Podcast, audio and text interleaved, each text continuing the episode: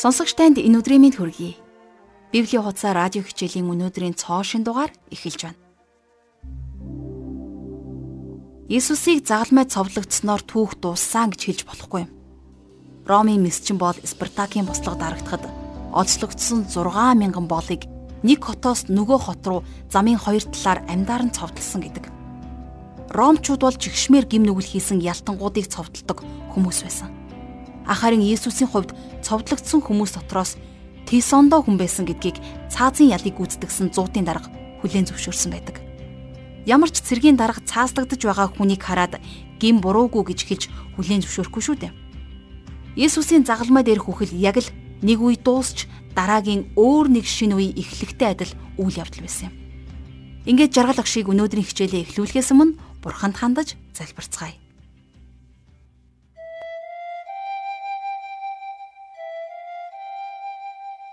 Бурхан минь, би танд өнөөдрийн төлөө талархаж байна. Та Есүс Христийн загалмай дээрх үхлээр дамжуулан түүнд итгэсэн бүхнийг мөнх амьтаа болгосон учраас танд баярлалаа. Нэгэнт мөнх амьтаа болсон учраас энэ дэлхий дээр ямар ч үйл явдал таны бидэнд өгсөн зүйлсээс биднийг салгахгүй. Би танд талархаж, өнөөдрийн хичээлээ танд даатгаж Есүсийн нэрээр залбирлаа. Амен. Харин одоо жаргал агшийн хичээлд анхаарлаа хандуулъя. За тэгэхээр бид хамтдаа Матай бичсэн сайн мэдээ номны сүүлийн бүлгүүд дээр ирсэн байна. Тэгэхээр дахин сануулгыг хэлэхэд сайн мэдээний үндсэн гол цөм болвол Есүс Христ хүн төрлөختний гим нүглийн төлөө загалмайд нас барсан явдал юм. За тэгэхээр энэ тухай Илч Паул Коринтынд хожим бичгтээ. Учир нь би хүлээн авсан дараах зүйлийг та нарт дамжуулсан юм. Энэ бол хамгийн чухал хэрэг юм. Судрын дагуу Христ бидний нүглийн төлөө үгсэн гэж баттхан бичсэн байдаг. Харин одоо бүгдээрээ нэгэн онцгой чухал үйл явдлын тухай бичигдсэн тэр хэсгийг харцгаая. Матан сайн мэдэн загалмайн үхлийн талаар нарийн бичээгүйг бид нар олж харна. Библиэд Христийг цовдлсон тэрхүү хадаас хэрхэн гарын нэвт сүлбэн зоогдож за хэрхэн гарнаас нь цус олгойд нь садарч байсан талаар нарийн тодорхой дүрслэн бичээгүй байдаг. Харин Библиэд Христийн загалмай дээрх 3 цагийн турш Тэнгэр харанхуй бүрхэн байсныг бичсэн байна. Энэ бол таны харж чадахгүй ямар нэгэн зүйлийн тухай. Энэ бол хүний ойлголтоос гадуурх зүйл. Зовлон нь төсөөлхийн аргагүй байсан гэж хэлсэн байхаа гэж би хувьдаа төсөөлөн боддог. Энэ нь Тэнгэр дэх эцэг загалмай дээрх хүүгийн хоорондох хилцээ байсан. Загалмай нь Бурхны тахил дэлхийн гим нүглийг өөртөө үүрэх тахилын ширээ болон хувирсан гэсэн үг. Тийм учраас Матай номны энгийн тодорхойлт бол тэд түүнийг цовдлсон юмаа гэсэн өгүүлбэрт багтдаг. За өнөөдрийн үзэх 27 дугаар бүлэгт Гитсмен цэцэрлэгт баригдсныхаа дараа Есүс за шашны зөвлөл болох Санхедрийн өмнө аваачигдж за тэгээд тэнд хуурамч гэрч нарын гэрчлэлийг сонсож улмаар цохиулж доромжлуулж А тэгээд бүр тэрний дараагаар Петр тэрнийг 3 удаа үгүйсгэсний дараах өглөөгөр 27 дугаар бүлэг эхэлдэг. За ингээд хамтдаа 27 дугаар бүлгийн 1-р ишлэгийг гаргацгаая. Өглөөр тахилч нар олонний ахлагчид Есүсийг алуулахаар зөвлөлдөөд. Тэгэхээр тэд нар Есүсийн эсрэг ялын төлөвлөгөө боловсруулан одоо түүнийг дээд шүүх рүү авчирна. Тэд нар Ромын шүүхийн өмнө зогсох шалтгаан байгаа гэж дотроо бодцгоос. Хоёрдугаар ишлэл дээр Түүнийг хүлж авч яваад захирагч Пилатад тушаав.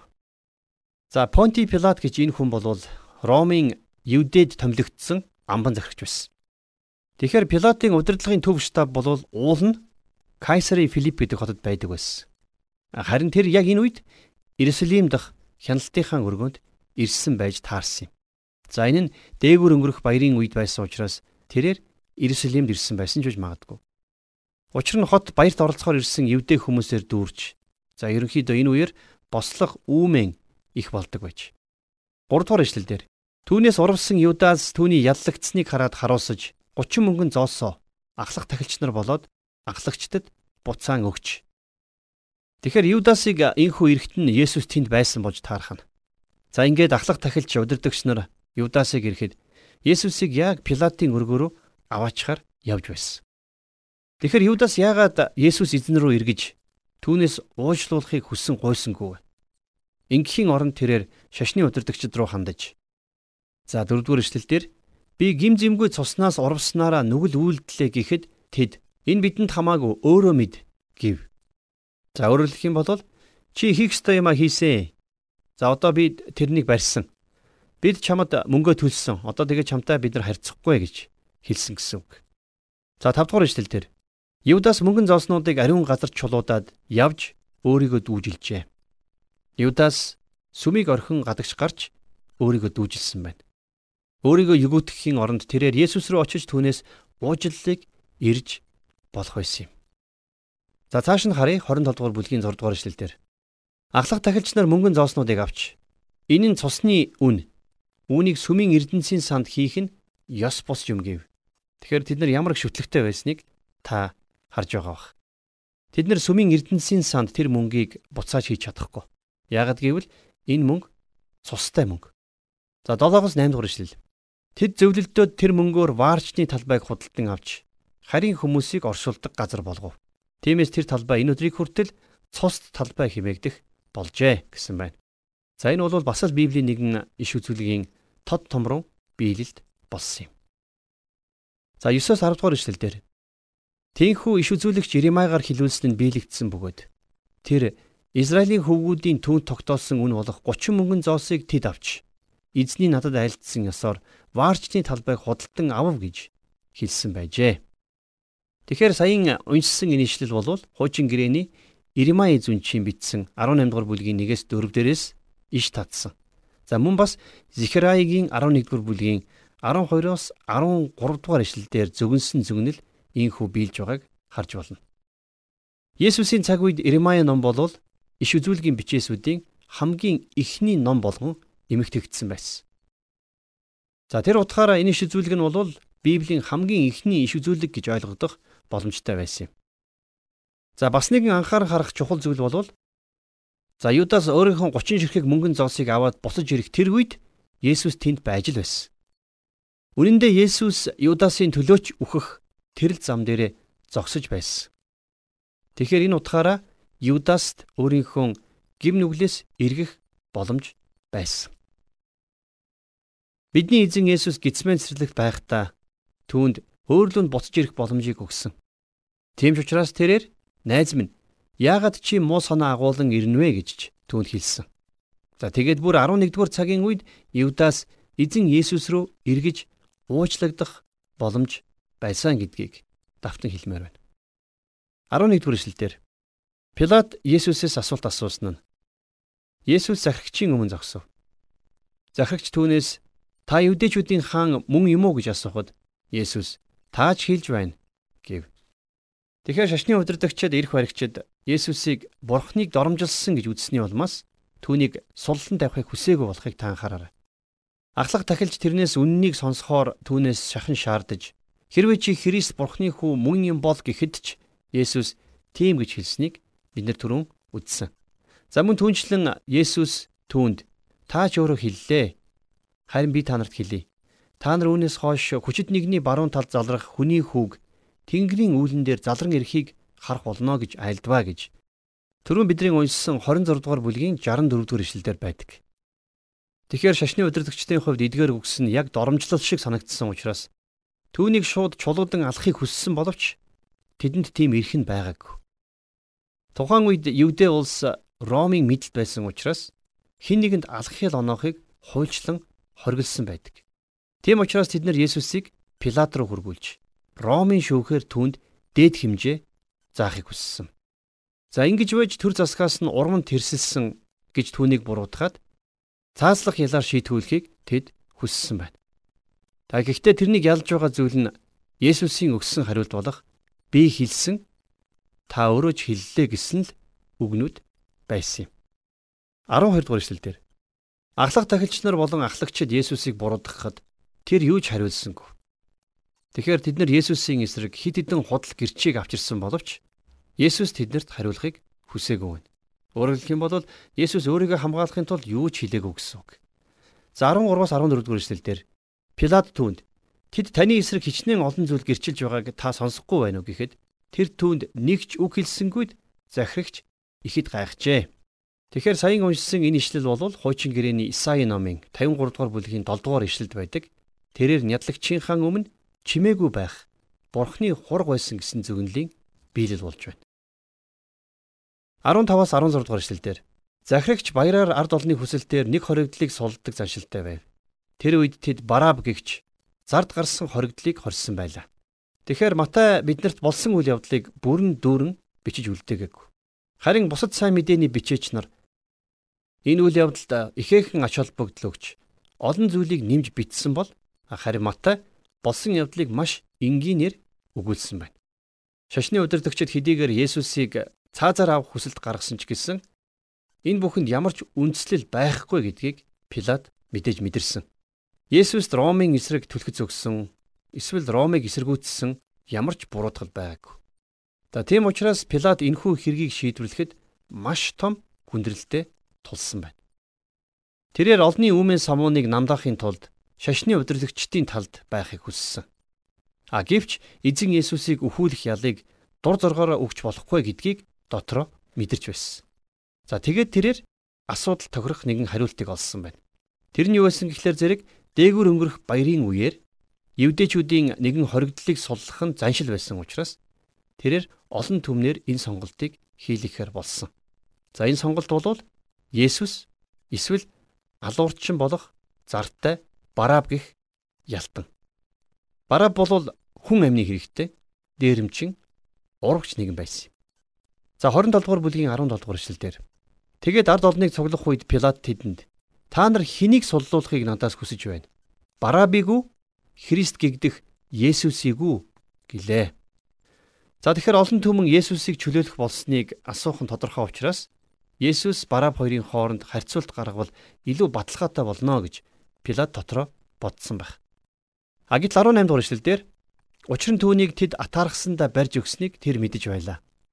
За энэ бүхнээс нь харах юм бол Пилат маш ухаалаг улс төрч байсан. Олон түмэн Барабас хагцаж түүнийг цовдлохын тулд Есүсийг чөлөөлөөч гэж гуйх болно гэдэгт Пилат итгэлтэй байсан. Ингэж энэ асуудлыг амархан зохицуулах боломжтой юм а гэдгийг Пилат олж мэдсэн байна.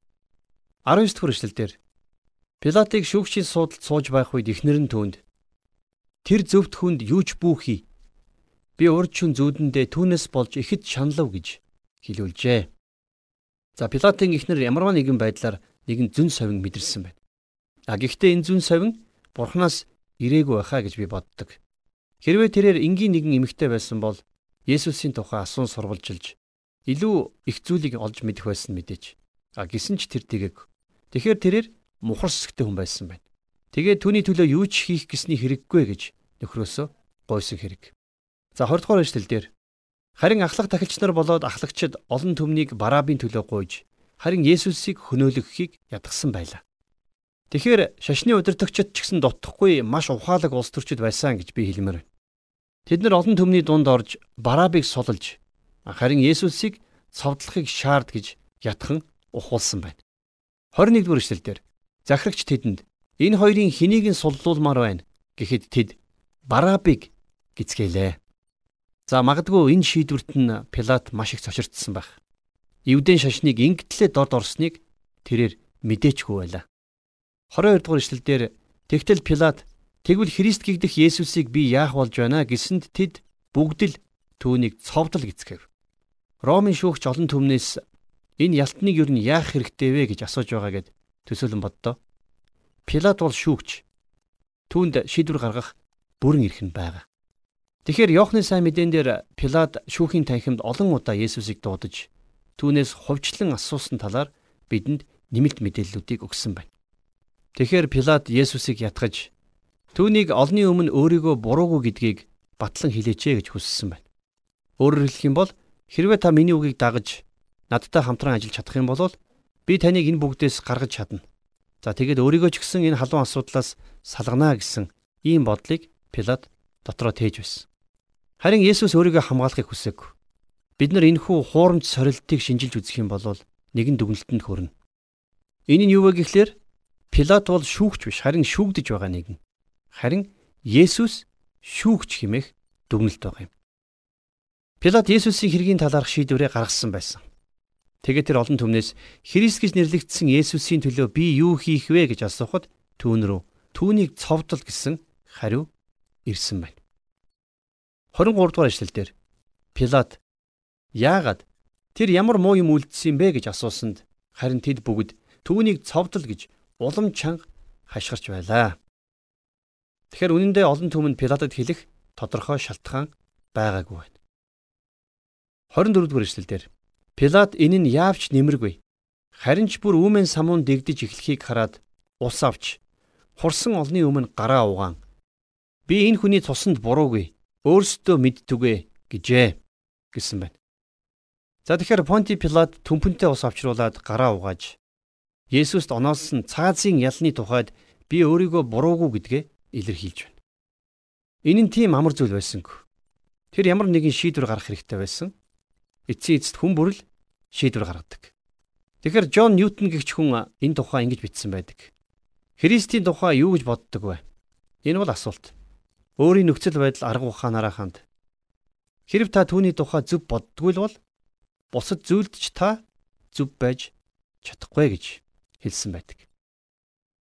Хэдийгээр Понти Пилат ийхүү гараа угаасан ч гэсэн Понти Пилатын үед цовдлогдсон нас барж хэмээх гашуун үгс эртнээс улбаатайгаар итгэгчдийн тунхаг дотор яригдсаар ирсэн.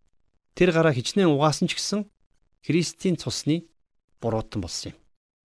За 27 дугаар бүлгийн 25 дугаар ишлэл. Тэгтэл бүх хүмүүс түүний цус бидний үр хүүхдүүдийн дээр байг гэцгээв.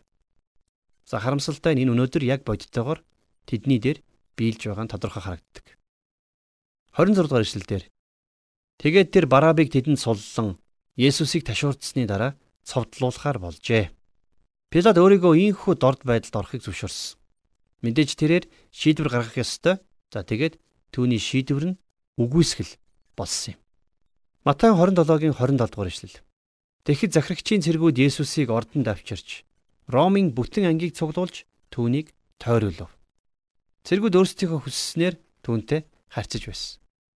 Энэхүү харгас хэрцгий явдал нь олон төмний хувьд тэдний зугаа цэнгэл нь болж байлаа. 28-аас 29 дугаар ишлэлдэр Тэд түүнийг нүцгэлээд час улаан нөмрөг нөмөргөж үүргнээр титэм сүлжсэний дараа толгой дээр нь тавьж баруун гарт нь хул сатгуулжээ. Тэд түүний өмнө сүгдэж Евдэчүүдийн хаанд мэдчлий химэн дооглон. За эдгээр аимшиг зүйлсийг Иерусалимийн гудамжинд болсон гэд төсөөлөд боддоо. За 30 дугаар ишлэлдэр түүн рүү нулимж хулсыг нь аваад толгойроо цоглоо. Ромын цэргүүд энэхүү боломжийг ашиглан Түүнийг загалмайд цовдлохоос өмнө түүгээр өөрсдийнхөө зугааг гаргасан. Үхэж байхтан ч гэсэн түүнийг олонтоо бэртээж гарынхаа зугааг гаргаж байсан. Тэд нар өөрсдийн хоригдлуудтай халуун гар нэртэй Ромын хэрцгий тоглоомор тоглодог байсан юм. Тэнд цугласан бүх цэргүүд хоригдлуудад нодорхныхаа амтыг үзүүлдэг байсан. За тэгснийхаа дараа тэд хоригдлын нүдийг боож нэг нь өөрсдийн байдаг хүчээр тэднийг балбана. Тэгээд нүдний болтыг шилжүүлж Хэрэг хоригдл ухаантай хിവэрэ байх юм бол өөрийг нь аль цэрэг цохоогүй үлдсэнийг таалгадаг байж. Хоригдл мэдээж хизээч зүв тааж чадахгүй. За ингэснээр тэд нэр хоригдлыг ухаангүй болтол нь нүдэж зоддог байсан юм. Тэгэхээр яг ийм байдлаар Есүсийг тэд нар танигдахгүй болтол нь зодож бэртээсэн байсан гэж би боддог. Тэгэхээр яг энэ тухай хуучин гэрээний Исаи зүнчийн 52 дугаар бүлгийн 14 дугаар ишлэлдэр Түүний төрөх нь альва хүнийхээс Түүний хэлбэр нь хүний хүүгүүдийнхээс илүүгээр зэрэмдэг байсан учраас олон хүмүүс чамайг үзээд хэрдхийв гэж хүртэл зөгнөн бичсэн байдаг. Хуучин гэрээний үг яг энэ үйл явдлаар биелсэн гэдэг нь тодорхой байгаа юм.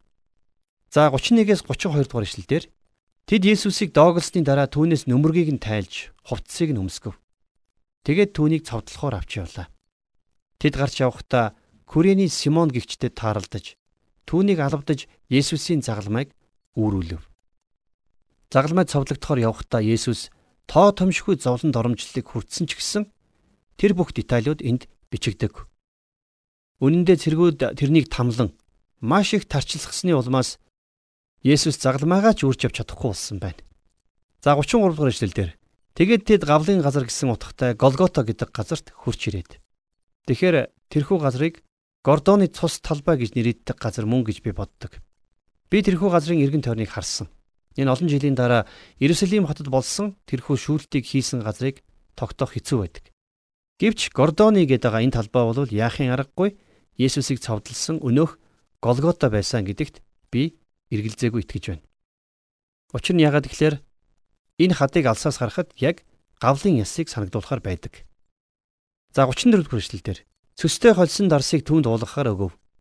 Тэр хэдийгээр амссан ч уухгүй байв. За тэгэхээр яг энэ ишлэл бол дуулал номын 69-ийн 21-ийн биелэлт. Тэгэхээр энэ дээр юу гэж бичсэн байдгүй гэхээр тэд бас надад миний хүнсэнд цөсийг намайг цангахад уулгахаар цууг өгсөн гэж бичсэн. За 27 дугаар бүлгийн 35 дугаар ишлэлдэр тэд түүнийг цовдлсны дараа хоорондоо шодон хувцсыг нь хувааж аваад за энэ бол бас л хуучин гэрээний нэгэн зөгнөл биелж байгаа үйл явдал. За тухайлах юм бол дуулал номын 22 дугаар бүлгээс иш татсан байна.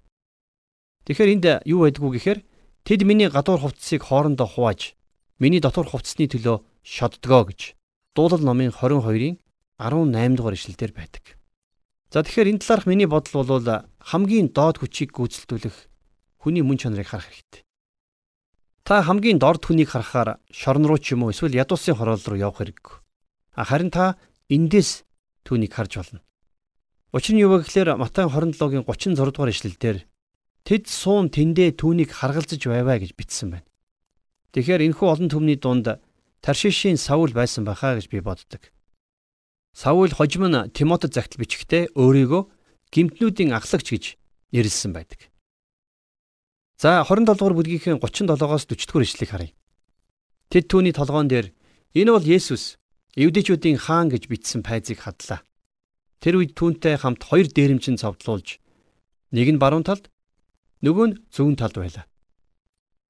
Дэрэгдүр нь өнгөрөхсөд толгоос ихсрэн түүнийг доромжилж сүмийг нурааж 3 хоногийн дотор барьдаг хүн чи өөрийгөө авраач.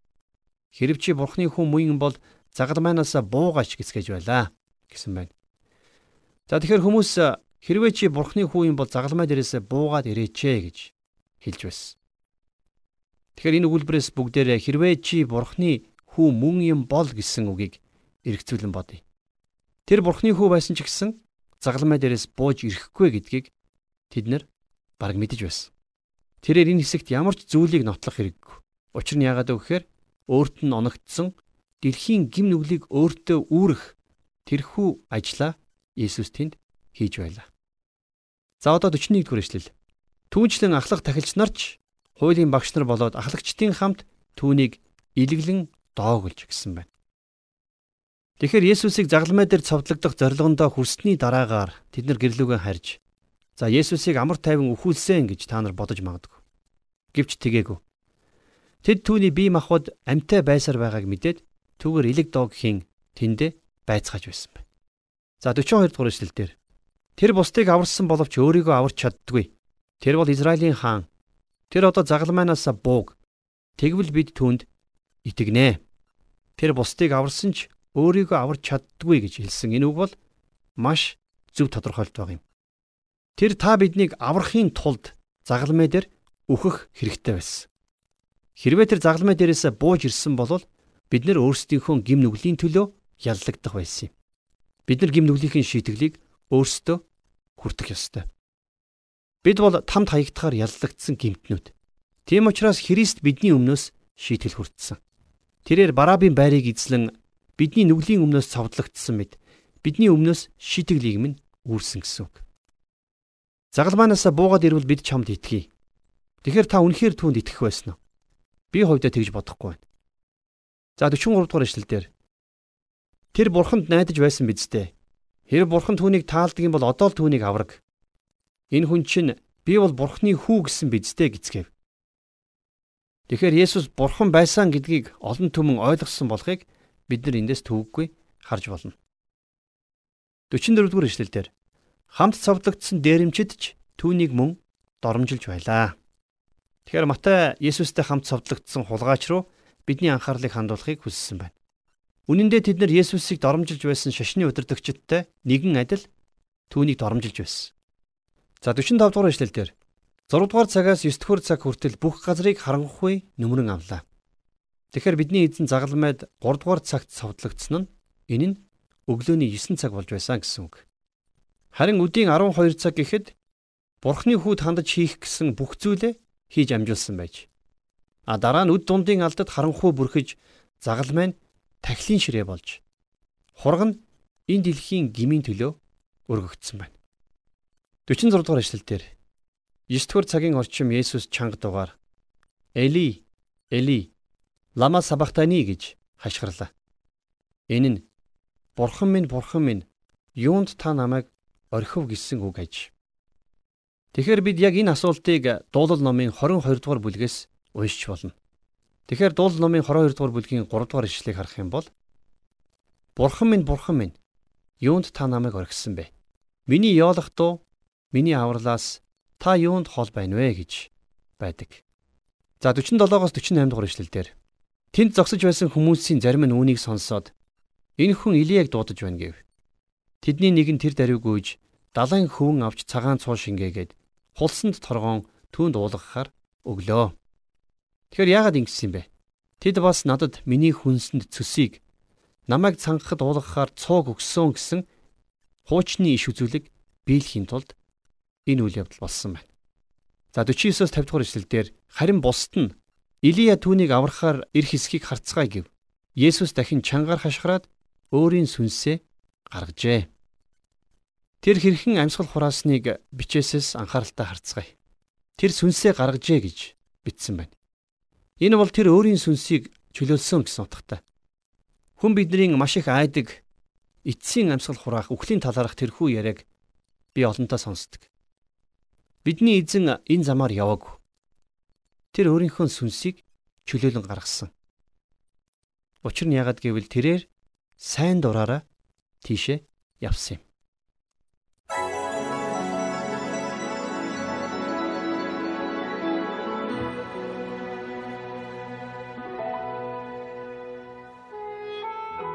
Тэгэхээр өнөөдрийн хичээлийг зааж өгсөн жаргал агштаа баярлалаа.